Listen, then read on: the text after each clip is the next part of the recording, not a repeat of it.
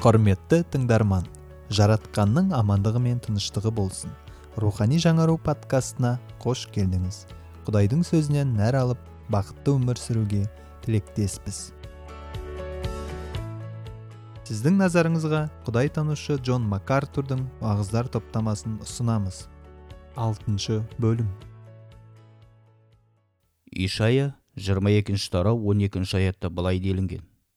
Сондықтан сол кезде әлемнің әміршісі жаратқан ие сендерді жылап жоқтау айтуға шаштарың мен сақал мұрттарыңды алып тастап азалы киім киюге шақырады. Пайғамбар иерусалимге келе жатқан сот күнін суреттей отырып сендер жоқтау айтып жылауларың керек дейді.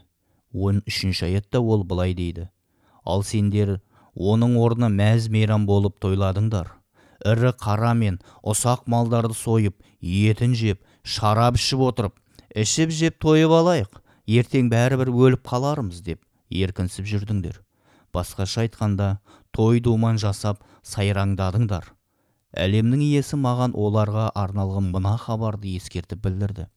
Осы күнәларыңның арамдығы көздеріңнің тірі болған кезінде тазартылмайды. Неге? Себебі сендер күнәға күле қарайтын болсаңдар онда одан ешқашан тазармайсыңдар деді. Жамандықты көргенде күлесіз бе?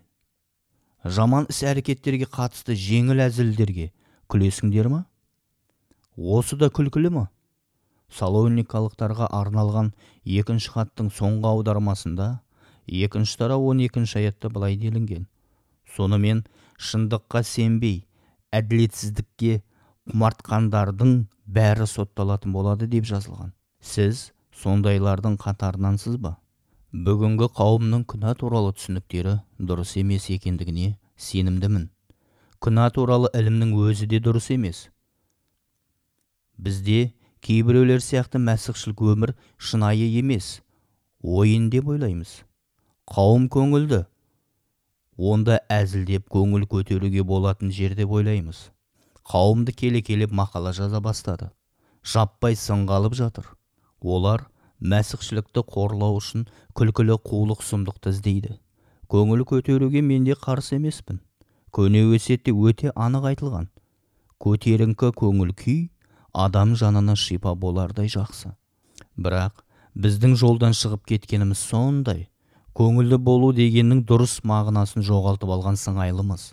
Адамдар харизматикалық қозғалыс оянудың ұлы көрінісі деп жүр. Мен бұдан өткен есерлік пен ақмақтықты өмірде көрген емеспін. Бұл жалпы қайғырудан өте алыс дүние.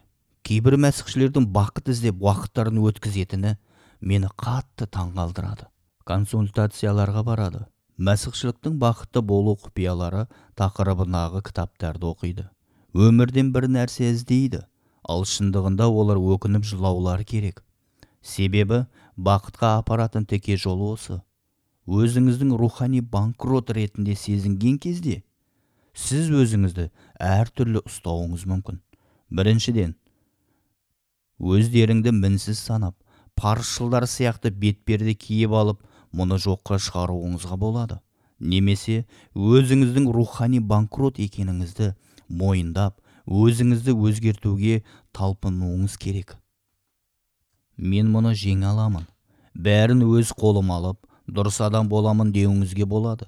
Немесе қолыңыздан еш нәрсе келмейтін әлсіздігіңізді мойындап яхуда сияқты жасауыңызға да болады. Бір жас жігіт біздің қауымға бірнеше рет келіп жүрді. Бірақ өзінің өмірден түңіліп тұңғиыққа батқаны сондай тапаншаны алып өзін өзі атып тастаған. Ол өзінің күнәһар екенін терең мойындаған. Бірақ еш нәрсе өзгерте алмады. Қайғыға берілгені сондай өзіне өзі осылайша қол жұмсады. Сонымен сіз өзіңіздің рухани күйрегеніңізді жоққа шығарып бетперде киіп аласыз. Немесе оны мойындап өзгеруге қадам жасайсыз. Яғни күнәңізге қатты өкініп безек қағасыз. Құдайға бет бұрып кешірім сұрап жылап еңірейсіз. Бұл ең дұрыс шешім болмақ. Адасқан ұл шошқаның астауының қасында отырып не ойлады? Ол өзінің бейшара қалпын мойындағысы келген жоқ. Менде бәрі жақсы әлі ақ бәрі жақсы болып кетеді деп өзін жұбатты. Ол мүмкін тіпті өзінің аянышты күйін мойындағысы келмей. Мен көрсетем оларға қандай екенімді. Деп ойлағанда болар. Әлде мүмкін олар қатты қайғырып сол астауға құлап кетті ме екен? Жоқ ол дұрыс жасады. Ол өзінің дәрменсіздігін мойындап әкесіне қайта оралды. Еңіреп жылады. Құтқарылу қатты қайғырып өкінгеннен кейін ғана келеді. Себебі құдай бізден күнәмізге шын жүректен жылап өкінгенімізді талап етеді. Бұл әлемде өзі мәсіхшімін деп санайтындар өте көп. Алайда шыны мәнінде олар мәсіхке толық күйреген рухпен келген жоқ. Күнәлары үшін жылаған жоқ. Бірақ басқа жол жоқ қой. Егер де бұл басыңыздан өтпеген болса сіздің құтқарылу алғаныңыздың өзі күмәнді. Мәсіхшілерге құтқарылу туралы сұрақ қойсаң көпшілі мен құтқарылғанмын деп жағымды жауап береді. Неге сіз солай ойлайсыз? Менің қалай алға шыққаным өмірімді қалай мәсіхке тапсырғаным есімде деп жауап береді. Қысқасы олардың құтқарылу туралы түсініктері өткен шығыммен шектеледі. Бірақ жаңа өсиет бұл туралы еш жерде айтпайды. Жаңа өсиетте сіздің құтқарылғандығыңызға кепіл болатындай алға шығу керек картаға қол қою керек немесе сізді құтқарылғандығыңызға сендіретін мәсіхші консультантпен сөйлесу керек деп еш жерде айтылмайды. Жаңа өсиет егер де сіз шынайы мәсіхші болсаңыз оның дәлелі сіздің бүгінгі өміріңізден көріну керек деп жазады. Сұрақ үнемі көлденеңнен қойылады. Екінші қорындықтарда 12 екінші тарау 21 бірінші аятта былай делінген. Сонда тағы барған кезімде құдай мені сендерге бола ұялтпасын. Бұрында күнә жасаған әлі де жасап жүрген арамдықтан неке адалдығын бұзушылық пен жүгенсіздіктерден бас тартпаған талай адамдарың үшін көз жасымды төгіп қайғырып жүрмейін. Паул елші былай дейді. Егер де олар күнәларына өздері өкініп жыламайтын болса онда олар үшін жоқтау айтып жылау ғана қалады дейді. Сонымен екінші қорындықтар екінші тарау жетінші аятта айтылғандай көп жағдайда рухани артықшылығын сезінуге әкелетін шектен тыс уайым қайғыға да салынуға болмайды. Бақыт шынайы қайғырып жылау нәтижесінде келеді. Шын опық жеп бағынған жүрекке сен теріс қарамайсың. Уа құдай ием забор жыры елуінші жыр. Келесіге ауысайық. Құдай патшалығына кіргенде біз жыладық. Мұны өміріміз бойына осылай жалғастыруымыз керек. Римдіктерге арналған хат жетінші тарау 15 бесінші аятты ашайық. Мұны біз айтқан болатынбыз. Паул елші былай дейді не істеп жүргенімді өзімде түсінбеймін. Қалағанымды емес керісінше жек көретінімді істеп жүрмін 17 жетінші аятта бұған күнәлі бойындағы құмарлық екенін ашып айтады одан әрі ол былай деп жалғастырады 18 сегізінші аят. Менің бойымда яғни ескі күнәһар болмысымда жақсылық жоқ екенін білемін. Сондықтан да жақсылық жасағым келсе де оны жүзеге асыратын күшім жоқ. Осылай мен қалаған игілікті емес қаламайтын жамандықты жасаймын жиырмасыншы аятта ал енді өзім қаламайтын жамандықты жасағанымда бұны істеген мен емес бойымдағы күнәлі құмарлық. Осылай мен байқаған заңдылық мынау. Жақсылық жасағым келсе де бойымдағы жаман құмарлық қарсы тұрады. Іштей құдай заңына ризамын. Бірақ бойымда басқа да бір заңдылықтың да бар екенін байқаймын. Ол ақыл ойым қалайтын жақсылыққа қарсы шығып мені бойымдағы күнәлі құмарлыққа кіріптар етеді. Басқаша айтатын болсақ бойымыздағы күнәһарлық пен әділдік өзара соғысады. Сорлы басым ай өлім әкелетін кінәлі тәнімнен мені кім құтқара алады? Яғни оның бүкіл өмірі осылай күреспен өтті. Бұл ол тез құтылатындай қысқа мерзімді оқиға болған жоқ. 25 аятта ол былай дейді. Құдайға шүкір иеміз иса мәсіх арқылы бойымыздағы күнәрлі құмарлықтың құлдығынан құтқарыла аламыз. Осы аяттың негізінде паул жеңіске жетті. Алайда соңына дейін оқуды ұмытпайық. Сонымен жағдайым мынадай. Ақыл ойыммен құдайдың заңын орындағым келеді. Ал ескі күнәһар болмысымның кесірінен күнәлі құмарлыққа кіріп паулдың бақытты қайдан табу керектігін білгендігі оның толық жеңіске жеткенін көрсетпейді. Ол мәсіхпен біріккенге дейін өз күнәсімен күнде күресті. Оның өмірінде бәрі тура осылай болды. Қымбатты достар рухани күйреуді түсінгеннен кейін және күнәмізге өкініп жылағаннан кейін ғана құтқарылып аламыз. Бұл күйімізді өміріміздің соңына дейін сақтауымыз керек. Лютер ол өзінің 95 тезисінде былай деп жазады. Барлық өміріміз өкіну мен күйреуден тұрады. Дәуіт 37 заборда уа жаратқан қаһарланып сөге көрме ашуланып мені жазалай көрме. Өзің атқан жебелерің денеме кірді қолың зілдей басты менің үстімді оның өмірі осындай болды. Күнәнің шын мәнінде бар екенін өмірінің соңына дейін сезініп кетті. Жаңа өсиеттен біз иса туралы көп нәрсе біле аламыз. Алайда ізгі хабардың ешқайсысынан оның күлгендігі туралы ештеңе таппаймыз. Исада күлуге еш себеп болмады деп ойлаймын. Ол ашықты шөлдеді. Күлу адамның болмысының ажырамас бөлігі болса да оның күлгендігі туралы ештеңе айтылмаған. Алайда жылағандығы туралы оқимыз. Ол қатты қиналып ауырып та қалған күндері болды. Бірақ көбіне мұны назарымыздан тыс қалдырамыз. Біз көңіл көтеріп сауық сайран құрғанды қалаймыз. Бұл ақмақтардың парасатсыз өмір салты мен алдамшы екі жүзді әзілкештердің әлемі. Олар тіпті осы өмір салттарын қауымда да қалыптастыруға тырысады.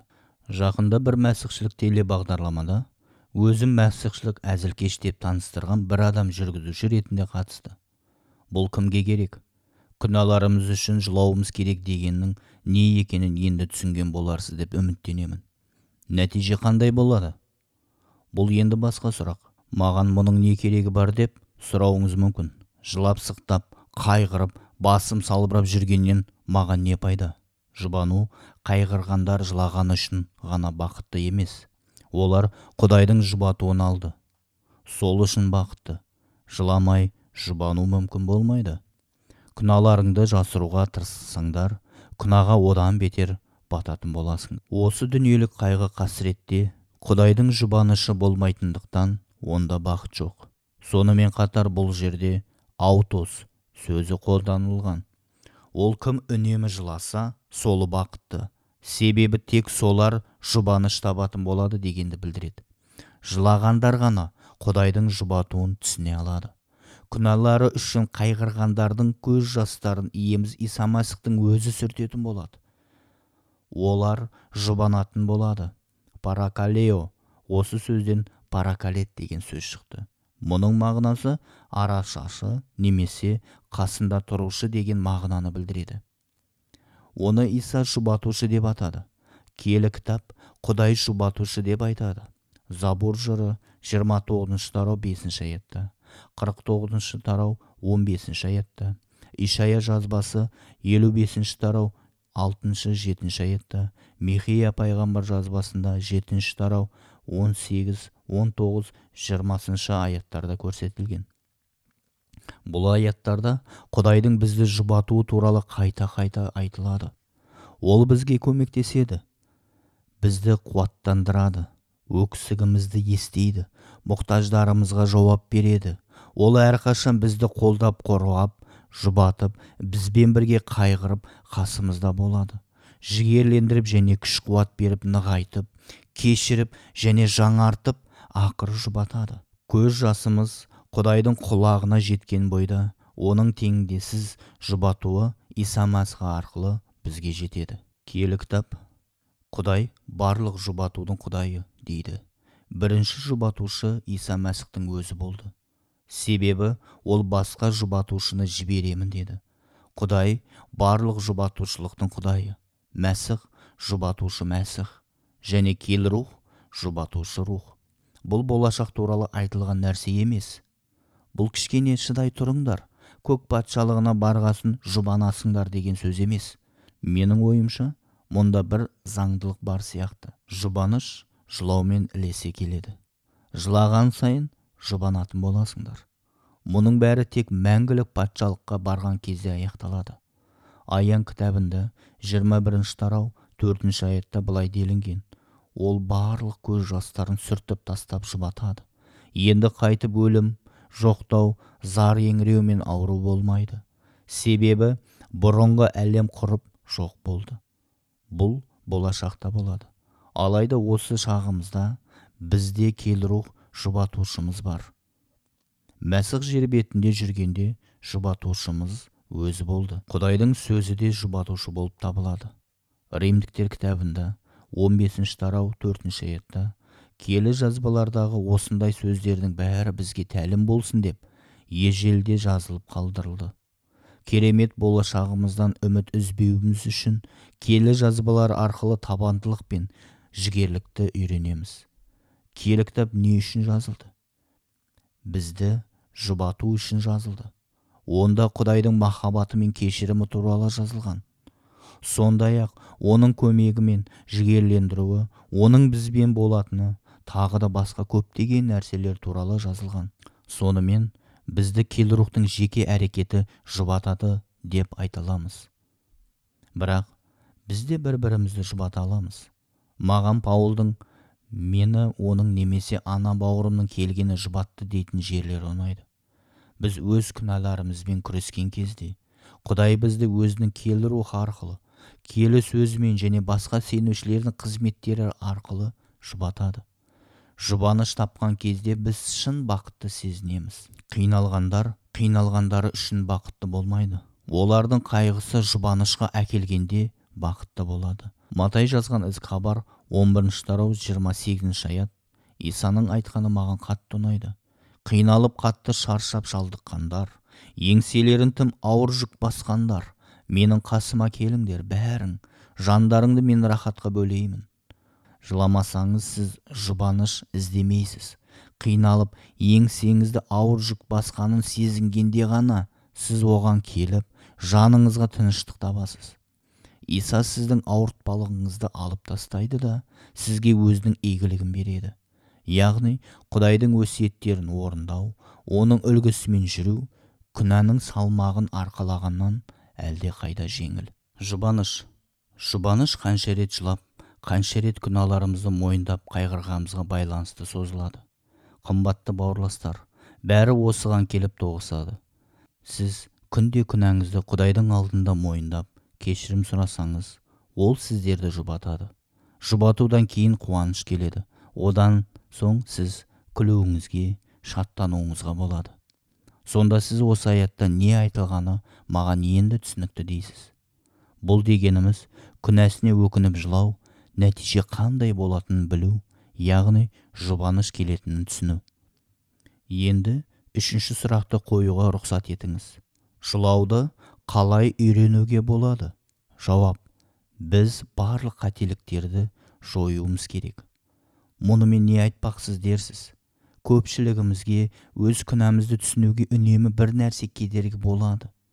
Бұл жүрегімізді қатайта түсетін жаман нәрсе. Иә бұл шынымен де бізді адамдық сезімдерімізден айырып келі рухқа қарсы шығуға мәжбүрлейді сезімсіз етеді.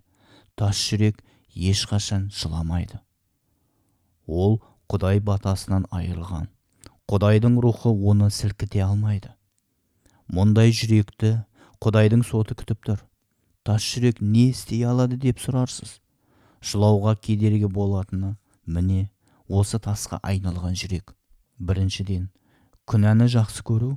Егер күнәні жақсы көрсеңіз жүрегіңізді қатырып тастайсыз. Ол өкіну жағдайына әкелмейді күнәні жақсы көруіңіз арқылы жүрегіңізді қатайтасыз. Түңілу. Құдай мұны ешқашан кешірмейді деп ойлау түңілуге әкеледі. Түңілу. Құдай рақымы дегенді жоққа шығарады да оның құдай туралы түсінігі бұрмаланады. Еремия кітабында 18 тарау 12 аятта олар біз үшін әуре болмай ақ қой. Өз ниетімізді іске асыра береміз. Ешқайсымыз алған бетімізден қайтпай ойға алған айлалы істерімізді жүзеге асырамыз дейтін болады. Басқаша айтқанда құдай бәрібір бізге ештеңе істей алмайды. Бізде ешқандай үміт қалған жоқ. Сондықтан бізге не істесең де өзің біл. Бұл әбден түңілген адамның сөзі. Түңілудің ар жағында білгісі келмеушілік күдік тудырады. Күнәға қаншалықты терең батқаныңыз маңызды емес. Құдайдың рақымы сізді өзгертуге қабілетті. Сонымен жылауға кедергі болатын біріншіден күнәні жақсы көру екіншіден құдай рақымына күдікпен қарайтын түңілу үшіншіден менде бәрі жақсы деп өзіне өзі көңілі толушылық немесе тоқмейілдік. Мен соншалықты жаман емеспін. Сіз мені уайымдайтындай мені жақсы білмейсіз. Менде бәрі жақсы. Тоқмейілдік бұл өлімге әкелетін ауруды тұмауға қарағанда емдейтін нашар дәрігер сияқты. Егер де иса мәсіхке сіздің күнәңіз үшін айқышқа шегеленіп қаны төгіліп өлуіне тура келген болса сіздің жағдайыңыздың шынымен де сұмдық жаман болғаны. Егер де соншалықты жаман емеспін деп ойлайтын болсаңыз сіздің одан да жаман болғаныңыз себебі бұл ең жаман күнә төртіншіден тағы бір кедергі бұл көңіл жұбатушылық немесе бейқамдық бұл арзан рақым мысалы мен исаны жүрегіме қабылдаған кезде мен бәрін ойдағыдай жасадым. Алға шықтым су рәсімнен өттім. Енді басқа нені уайымдауым керек? Күнәларымыз үшін кешірім сұраудың не керегі бар? Енді не қаласам соны жасауыма болады. Маған ештеңе де болмайды. Өмірімде ештеңені өзгертудің қажеті жоқ. Исаны қабылдадым. Мен тазамын. Бәрі дұрыс. Ишая жазбасында елу бесінші тарау жетінші аятта былай делінген. Азғын адам теріс жолынан қайтып әділетсіз жан өз ойларынан бас тартсын. Бәрі жаратқан иеге бет бұрсын. Сонда иеміз мейірімділік танытады олар құдайымызға қайта оралсын. Өйткені ол жомарттықпен кешіреді. Егер де азған адам теріс жолынан бас тартпаса құдайдың мейірімінсіз қалады. Ешқашан тынышталмаңыз. Өз өзіңізді өтірік жұбатпаңыз. Арзан рақым дейтін нәрсе жоқ. Сонымен күнәні жақсы көру түңілу тоқмейілсу және мейқамдық. Жылауға жол бермейтін тағы бір нәрсе бұл асықпаушылық. Маған алдымен дайындалу керек. Күнәларымды мойындап олардан құтылып дұрысталып алайын. Сосын құдайға келемін. Ол өте кеш болуы мүмкін ғой. Жақыптың хатында төртінші тарау он төртінші аятта былай дейді. Сендер тіпті күні ертең не болатынын білмейсіңдер. Өмірлерің неге ұқсас? Ол әншейін аз уақытқа көрініп кейін ғайып болатын бос бетті емес пе? Ертеңгі күн туралы айтпай тұрып ертеңің болмауы да мүмкін екенін ойланыңдар. Ақмақ болмаңдар ауруды ертерек жазуға тырысқанда жұбату соғұрлым жылдамырақ келеді. Онымен бірге шынайы бақыт та келеді. Алтыншы тағы бір кедергі ол арзан күлкі. Мұнымен не айтпақсың деп сұрарсыз? Кейбір адамдар өмірді шынайы қабылдағылары келмейді. Олар үнемі күліп жүруді жөн көреді. Мүмкіндік барда ойнап күліп қалайық деген қағидамен өмір сүреді. Өмір қысқа өкінетін не бар дейді. Амос пайғамбардың кітабының алтыншы тарауында азғын адамдар туралы не айтылғанына қараңыз. Ей сион тауында бейқам тұрып жатқан және өздерін самария тауында қауіпсіз сезінетіндер сендер қасіретке қаласыңдар. Жетігеннің сүйемелдеуімен ән айтсаңдар да дәуіт патшаға еліктеп күй аспаптарыңда ойнауға әуен күйлер ойлап тапсаңдар да шарапты тостағанда ішіп үстеріңе жұпар иісті майды жағасыңдар. Алы жүсіптің үрім бұтағының басына төніп тұрған жойылу жайлы қайғырмайсыңдар. Сондықтан қолға түсіп басқа жерге аударылатын алғашқылардың арасында сендер боласыңдар.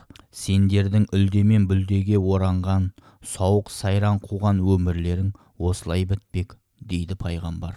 Себепсіз күлетін ақымақтар. Күлуге еш себеп жоқ күлкіге мүлдем орын жоқ. Олардың жылаулары керек еді.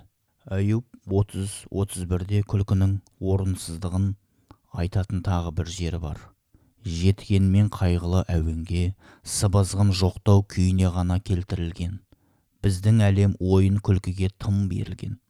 Ақыр заман келгенде құдай бірінші барлық музыканы тоқтатады. Аян кітабының 18 тарауда барлық музыка тоқтатылады деп жазылған.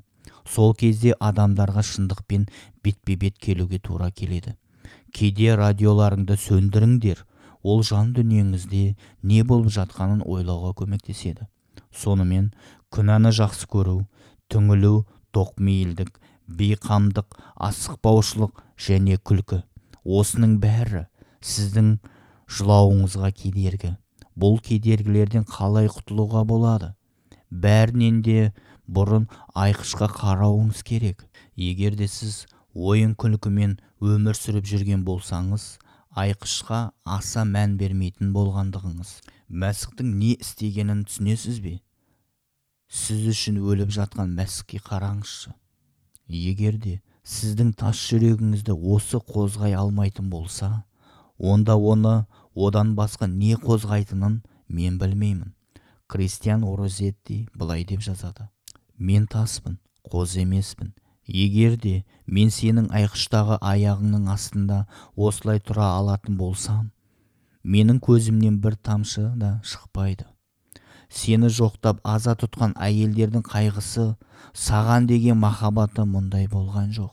Одан бас тартқаны үшін қатты қайғырып жылаған петр де мен сияқты болған жоқ. Ай мен күн де сол күндегідей қара түнек басқан жоқ. Тек мен ғана берілген жоқпын. О мейірімді бағушы өзіңнің адасқан қозыңды іздеші. Қатқан жүректі жібіте көр егер де сіздің жолыңызда кедергілер бар болса айқышқа мұқият қараңдар. Одан құтылуға тырысыңдар. Өз күнәларыңды көру үшін мәсікке қалай мұқтаж екендіктеріңді ұғынуға тырысыңдар. Сонымен біріншіден кедергілерді жойыңдар. Екіншіден күнәні жазба тұрғысынан зерделеңдер. Дәуіт былай деді. Күнәм менің әрқашан көз алдымда. Дәуіттің өмірін оқып талдаңдар. Ишаяның өмірін оқыңдар. Құритын болдым ау аузымнан арам сөздер шығады. Сондай аузы таза емес халықтың ортасында тұрып жатырмын. Менен әрі кете көріңіз мен күнәһармын деген петрдің өмірін оқыңдар. Күнәкарлардың ішіндегі біріншісі менмін дейтін паулдың өмірін оқыңдар. Олар өздерінің күнәқарлығы туралы қалай айтатынын тыңдаңдар.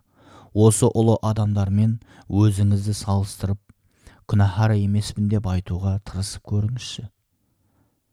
Күнә бізге өте үлкен кесірін тигізеді. Ол әлсіретеді және арамдайды. Бізді тәжіміз бен ұлылық киімімізден айырады. Даңқымызды улайды. Ол бізді лас жыртық киімімізде қалдырады. Біз құдаймен бейнелес болып жаратылғанбыз. Алайда айуанға ұқсап болып қалдық. Үшіншіден қайғырған рух үшін сыйыныңдар. Оны сізге тек құдай ғана бере алады. Ол шынайы дұғаны қабыл алады. Өз күнәларың үшін өкініп жылауға шақырады. Бұл не береді? Жұбату және бақыт береді. Жылауды қалай үйрену керек? Кедергіні жою күнәні жазба бойынша түсіну және сыйыну. Бұл қиын емес. Күнәға қаншалықты сезімтал екеніңізді тексеріңіз. Оған қалай жауап бересіз? Күнәға мәз болып күлесіз бе? Оған көзіңізді жұмып қарайсыз ба? Одан рахат табасыз ба? Бұл мүмкін арсыздықтың күнәсі немесе жұмысыңызға байланысты күнә шығар. Бұл мүмкін өтірік біреуді алдау болар. Сүйінудағы тұрақсыздық болуы мүмкін. Ойыңызды таза сақтауға тырыспау. Басқаны жақсы көре алмау немесе басқа сол сияқты бірдеңе болуы мүмкін. Осының бәріне қалай қарайсыз? Өз күнәңіз үшін қатты өкінесіз бе? Егер де иә болса сіз тек өз күнәңіз үшін ғана емес бүкіл әлемнің күнәсі үшін жылайтын боласыз. Иса тау басында иерусалимге қарап отырып жылады. Иерусалим иерусалим мен сендерді қанша рет құстың балапандарын қанатының астына жиғандай жинауға тырыстым бірақ сендер қарсы болдыңдар. Ол өзі үшін жылаған жоқ олар үшін жылады. Езекилдің тоғызыншы оныншы тарауындағы жылағанын естеріңе түсіріңдерші. Тоғызыншы тарау төртінші аятты ашайық оған құдай былай деді. Бүкіл иерусалим қаласын аралап шықты. Онда жасалып жатқан жексұрын күнәларға бола ыңқылдай күрсініп қайғырған адамдардың маңдайына таңба сал қайғырып жылағандарды аға қарындастарын жоқтап жылағандарды тап. Құдайдың жүрегі қайғыланғанда сендердің жүректерің қайғыра ма дәуіттің алпыс сегізінші жырындағы айтқандарына қосыласыңдар ма? Уа құдай саған аян ақмақ қылығым. Сенен таса емес жасаған күнәларым. Өзіңе сенімдерін артқан жандарды маған бола ұятқа қалдырмашы о әлемнің иесі жаратушы. Иеремияның жоқтау кітабында сондықтан жылап көз жасымды төгудемін. Жұбатып маған күш беретін жоқ ешкім. Жау жеңіп күйреді халқым менің. Сіз өз күнәңіз үшін айналаңыздағы адамдардың күнәсі үшін жылайсыңдар ма? Сіздер тап осындай қайғырып жылайтындар қатарындасыңдар деп үміттенемін. Себебі мен сендердің құдайдың жұбатуын сезініп бақытты болғандарыңды қалаймын.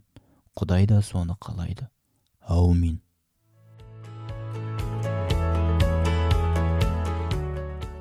Подкастты тыңдағаныңызға рахмет. Егер сізде сұрақтар мен тілектер пайда болса бізге жаңару нүкте инфо собачка gmail нүкте ком адресі бойынша жаза аласыз. Сіздерге иеміз иса мәсіх жар болып рахымын жаудыра көрсін. Аумин